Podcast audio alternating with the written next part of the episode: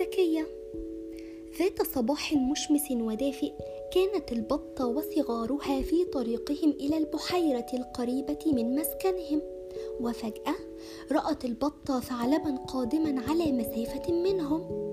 أصاب البطة خوف شديد وأخذت تنادي على صغارها بصوت عال.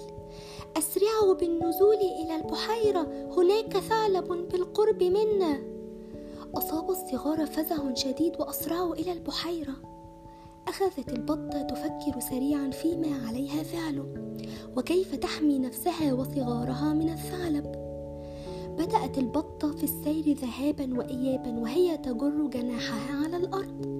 وعندما رآها الثعلب فرح فرحا شديدا وقال في نفسه يبدو أن جناح البطة قد كسر وأنها لن تتمكن من الطيران. يمكنني الآن بكل سهولة الإمساك بها وأكلها.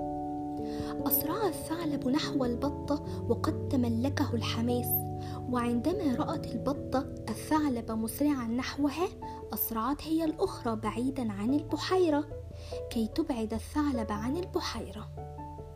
بعدما اطمأنت البطة أن صغارها أصبحوا في البحيرة توقفت عن الجري وأخذت نفسا عميقا وقالت في نفسها لا يمكن للثعلب الآن بأي حال من الأحوال إيقاع الأذى بصغاره عندئذ ظن الثعلب أن البطة قد أجهدها الجري فاقترب أكثر وأكثر منها. وفجأة فردت البطة جناحيها وطارت عاليا في الهواء لتهبط في منتصف البحيرة ويأتي إليها صغارها فرحين. في هذا الوقت وقف الثعلب يحدق إلى البطة وصغارها في ذهول وقال لا أكاد أصدق عيني إن البطة تستطيع الطيران. وبالطبع لم يتمكن الثعلب من الوصول إلى البطة وصغارها لأنهم كانوا يسبحون في وسط البحيرة.